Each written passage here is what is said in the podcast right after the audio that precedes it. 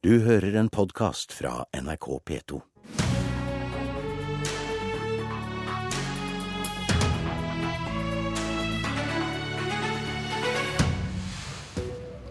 Fremskrittspartiet gir 2,7 milliarder kroner til noen som ikke trenger det. Fremskrittspartiet er naturlig nok ikke enige i denne påstanden. Det blir debatt mellom statsråd Eriksson og høyresidens milde refser. Den debatten hadde vi, ikke kunnet ta i dag hvis Jan Erik Larsen hadde fått viljen sin, for da hadde det ikke vært valg i år. Velkommen til Politisk kvarter. Nyheten om at pensjonister som er gift eller har samboer, snart får 4000 kroner ekstra i pensjon i året, er hentet fra et forslag til et statsbudsjett som ikke er lagt fram ennå. Men det endte som et stykke valgflesk kastet foran velgerne for noen dager siden. Men resultatet, Robert Eriksson, arbeids- og sosialminister på 9,5% tyder kanskje ikke på at nok velgere syns det smakte? For Fremskrittspartiet så har det alltid vært viktig å sørge for at eh, alle sammen skal få, uh, uavhengig av sivilstand, skal få redusert, uh, eller få samme grunnpensjon. Derfor så har vi arbeidet veldig intenst for at, å få inn i regjeringsplattformen at vi skal redusere avkortinga for gifte og samboende pensjonister. Det står klart og tydelig i regjeringsplattformen. Den har vi nå varsla kommer i neste års statsbudsjett. Jeg synes det er, Hvis du tar da et, et, et par der du har en minste minstepensjonist. Ei dame som har gått hjem, tatt seg av ungene eh, og, og opp gjennom tida. Eh, svigerforeldre som man gjorde på landet i, i, gamle dager, gjorde den jobben som dagens førskolelærere, dagens barnehageassistenter gjør. Eh, og blir minstepensjonist. Hvorfor skal hun få dårligere pensjon bare fordi at hun er gift eller samboende. Det syns jeg er helt urimelig. Eh, Fremskrittspartiet har kjempa for å gjøre noe med dette i alle de år. Jeg er stolt over at vårt parti nå kan gi 655 000 gifte samboende pensjonister 8000 totalt sett i et eh, par bedre pensjon på årsvirkning eh, fra neste år. Jan Arild Snoen, skribent i Minerva, du skriver i Aftenposten at Eriksson gir milliarder til noen som ikke trenger det? Vi vet at den rikeste aldersgruppen i Norge, det er pensjonistene. Vi vet også at det er relativt få pensjonister som sliter økonomisk. Og vi vet også at i relativt få så er det nesten bare enslige. Altså Det er nesten ingen gifte og samboende pensjonister i Norge som sliter økonomisk.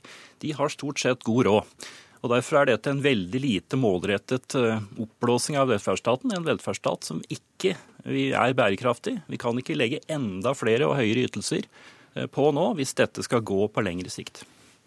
De, ikke, de trenger ikke pengene? Jo, hvis Jan Arild har dratt ut, møtt mange pensjonister, eh, så er det også mange gifte og samboende pensjonister som har eh, dårlig råd. Men dette handler i prinsippet om hvilken rettferdighet skal du ha i vårt pensjonssystem. Eh, jeg mener at det er på mange måter svært urettferdig at du skal få mindre i grunnpensjon. Grunnpensjon er lik for skal i utgangspunktet er noe du får uavhengig om du har vært i arbeidslivet eller ikke. Hvorfor skal du da diskrimineres bare fordi at du er gift eller samboende? Hvorfor skal ikke de få de samme grunnpensjon som alle de andre? Denne regjering gjør nå en viktig grep ved å redusere den avkortinga, som gir mer til pensjonistene.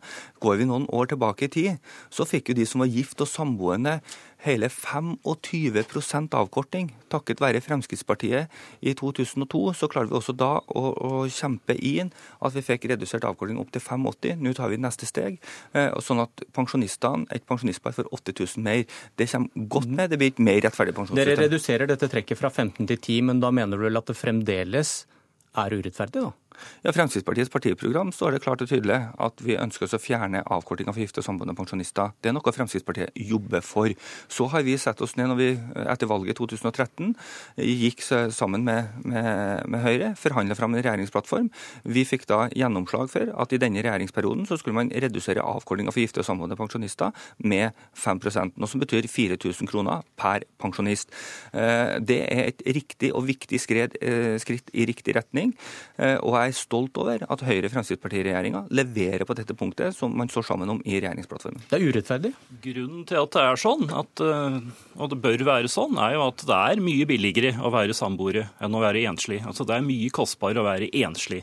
Og Det er derfor vi ser i all statistikk altså Eriksson kan komme med sine pensjonister som han har møtt, men alle data vi har på dette, Statistisk sentralbyrå har veldig gode data på dette, viser jo at fordi det er mye dyrere å være enslig pensjonist enn samboer og gift, så har de større problemer. Og Derfor er det rimelig, ut ifra en sosialpolitisk eh, argumentasjon, at de får mer enn gifte og samboende. Eh, og Derfor er det også urimelig når eh, Frp nå skal gi mer til pensjonistene, at de gir det til den gruppen, altså den gruppen som kunne ha trengt det. Får ikke noe, ikke fem øre. Det er de som har det best fra før, som får mer her. Og Det var jo noe som vi faktisk gjorde noe med for noen år tilbake. For da øka vi særtillegget for de som har minst. De som, har, som, som, som, er enslige. De løfta vi da opp til 2G. Det er ikke det vi snakker om nå. Eh, og, og, og, når vi har et pensjonssystem, så tenker jeg som så at det, det som er viktig, det er det at vi faktisk har et rettferdig pensjonssystem som gjør at man har den samme uh, grunnpensjonen. Derfor er det viktig å gjøre noe Men Hva med poenget om, om at det er billigere å bo sammen? Jeg vil nok også tro at det er mange som bor sammen, som har eh, For det første så vil man ha, må ha dobbelt så mye mat uh, enn en som bor alene. Det, man har også andre typer husholdningskostnader. All forskning sier dette. Og det som, det som, er viktig, det er jo hvilket rettferdighet skal det ha i et pensjonssystem. Hvorfor skal man diskrimineres, avkortet, bare pga. sivilstand? Det syns jeg blir helt feil, rent prinsipielt. Er ikke dette en god sak for Frp da, Snoen, fram mot 2017? Det er nok en god sak for Frp, men det er en veldig dårlig sak for de unge i dette landet som skal betale denne regninga i framtida. Fordi dette er eh, tannpasta du ikke får tilbake på tuben? Det er veldig vanskelig å få dette tilbake igjen. Når du først har utvidet en ordning, så er det nesten umulig å få endret den på. Det tror jeg Eriksson vet fra andre områder. Eh, så dette er noe, dette er noe som baler på seg. Denne kommer til å være 2,7 milliarder hvert eneste år framover. Dette er ikke som å bygge en vei som er en engangsutgift. Dette er en utgift som vil være der, og som blir bare større og større med åra. Hva sier du til det? For det første så, eh, Hvis noen har sett seg inn i det nye pensjonssystemet, så vil det jo være sånn at stadig flere, og det er veldig bra, det er jeg veldig opptatt av som arbeidsminister, at, at flere skal jobbe. Eh, yrkesdeltakelsen blant kvinner har økt betraktelig de siste årene. Kjempebra. Det nye pensjonssystemet er jo innretta sånn at de som er ute i arbeidslivet, har en lønn på over, eh, snittlønn på over 430 000, vil jo, vil jo avkortinga uansett dette bort av, fordi at det, det, det nye systemet fungerer sånn. Da, For de som er pensjonister, pensjonister i dag, hvorfor skal ikke de da få, som har vært med og bygd opp det velferdssamfunnet, vært med og gitt oss det gode velferdssamfunnet som vi i dag lever til, hvorfor skal ikke de da få uh, en god grunnpensjon, uavhengig av sivilstanden sin? Vi får eventuelt fortsette diskusjonen når budsjettet er vedtatt. Hvis du fremdeles er statsråd, da, Eriksson, det hviskes om at Høyre har lyst til å overta departementet ditt? Det er ingen kommentarer til. Jeg registrerer som, og er fullstendig klar over at enhver statsråd sitter så lenge enhver statsråd sitter.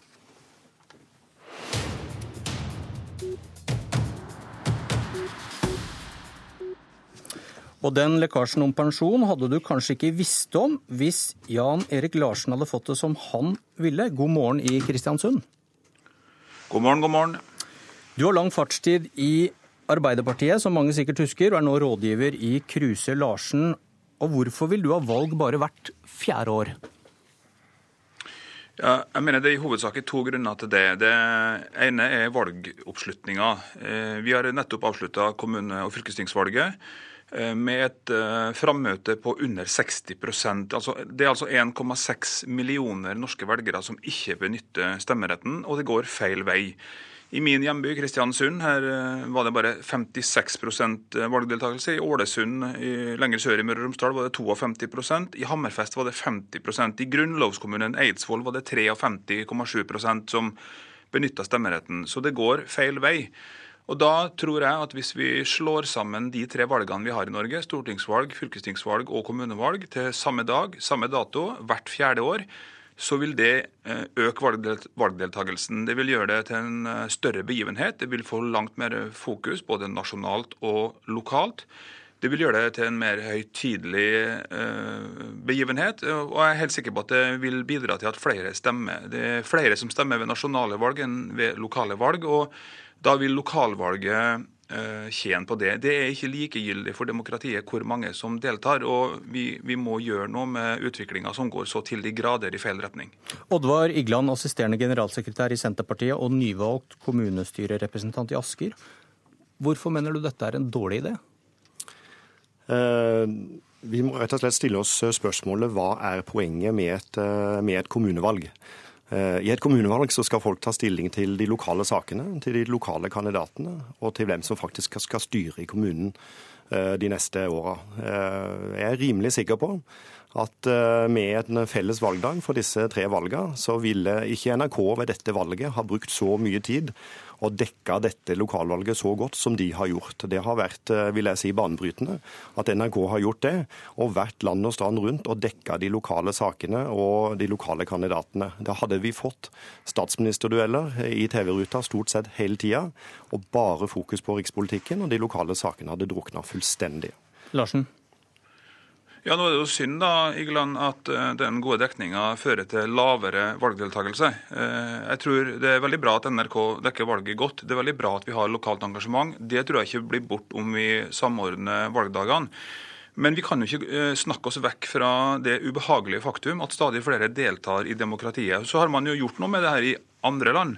I Sverige har man samme valgdag for alle valgene. Der er valgdeltakelsen i lokalvalget eh, 25 over eh, det den er i Norge. I Danmark, Danmark, gjorde man et eksperiment én eh, gang, i 2001. Da slo man sammen parlamentsvalget med lokalvalget og fikk historiens høyeste valgdeltakelse i lokalvalg. Ved neste lokalvalg så splitta man opp igjen, og da falt deltakelsen i lokalvalget med 15 det er ingen tvil om at noe må gjøres. og Det man har sett av fullskala eksperiment på området, viser at når man slår sammen valgene, så blir det større oppmerksomhet, og flere deltar. Og Poenget er jo først og fremst at mange deltar ved valg. Det demokratiets viktigste fundament er at det har bred oppslutning i befolkninga. Hvis det fortsetter som nå, så kommer vi ganske snart til å ha en valgdeltakelse i lokalvalg under 50% og det er veldig uheldig for demokratiet. Men det, det, det, jeg tenker vi må se på her, det er jo utviklingen over, over tid. Eh, for den, eh, det er helt riktig, som du påpeker, at valgdeltakelsen har gått, gått jevnt nedover. Den hadde en liten oppsving i 2011, og det tror jeg vi alle vet eh, hvorfor det skjedde. Men så, så går den ned igjen i nå. Og så er det nok også interessant å se litt nærmere på hvorfor den er såpass mye ned ved dette valget. Det har, var jo også litt framme i, i går. Men, men, hva er det som har skjedd over disse åra? Vi har hatt lavere valgdeltakelse, eh, ved, særlig ved, ved, lokalvalg. Jo, vi har fått en utvikling der eh, kommunene får stadig mindre handlingsrom. Politikerne får mindre handlingsrom lokalt i forhold til den jobben de skal gjøre. Vi har fått eh, Stortinget sitter og vedtar stadig nye lover som regulerer det lokale rammene for det politiske arbeidet lokalt. Det er statlig detaljstyring. Og Det er naturlig også å trekke inn EØS-avtalen, som vi vet også har hatt konsekvenser for det lokale handlingsrommet for kommunene. Sånn at Det det vi må gå inn på og se hva er, hva er rom, rommet for kommunene i forhold til den politikken og det politiske arbeidet de skal gjøre. Larsen, et av dine argumenter er fire års arbeidsro for politikerne. Ja, Det mener jeg er en viktig tilleggsdimensjon. Slik som det er i dag, så har vi stortingsvalg hvert fjerde år. Og det er et poeng at vi har stortingsvalg hvert fjerde år. Det tar tid å gjennomføre store reformer, det tar tid å drive lovarbeid. Så det er meninga at vi skal ha stortingsvalg hvert fjerde år, og så skal arbeidet i parlamentet og i regjeringssystemet gå mellom de stortingsvalgene. Slik som det fungerer nå, så har man i realiteten ett år på seg etter et stortingsvalg til å få gjort unna en del, og så begynner man å forberede neste valg, altså lokalvalget. Og Det er ingen tvil om at politikerne da begynner å opptre valgtaktisk. Store og viktige reformer stopper opp. og Et, et godt eksempel på det er jo måten kommunereformen har vært diskutert på det siste halve året. Der tror jeg ikke politikerne har sagt det man egentlig mener. Man har opptrådt taktisk. Så det hadde, vært en, det hadde vært en tilleggsgevinst. Man hadde fått arbeidsro mellom stortingsvalgene. Ja, altså det du, det du, egentlig sier, er det at uh, folk skal, uh, altså vi, vi, skal gjennomføre reformer som en helst ikke vil at folk skal uh, skal, Nei, det er feil. Det er stortingsvalget som bestemmer er, hvilke reformer som skal gjennomføres. Jo, men det er sant. Det er greit nok. Men samtidig så må disse reformene ha folkelig forankring. Og det ser vi jo nå med den kommunereformen at den ikke har. Du får på mange måter ved dette valget en meningsmåling eh, over eh, hvordan eh, folk lokalt de, hva de mener om den kommunereformen. Og den ser jo nå ut til å okay. krasje landet totalt. Mine herrer, takk for debatten. Politisk kvarter er slutt. Jeg heter Bjørn Myklebust. Du har hørt en podkast fra NRK P2.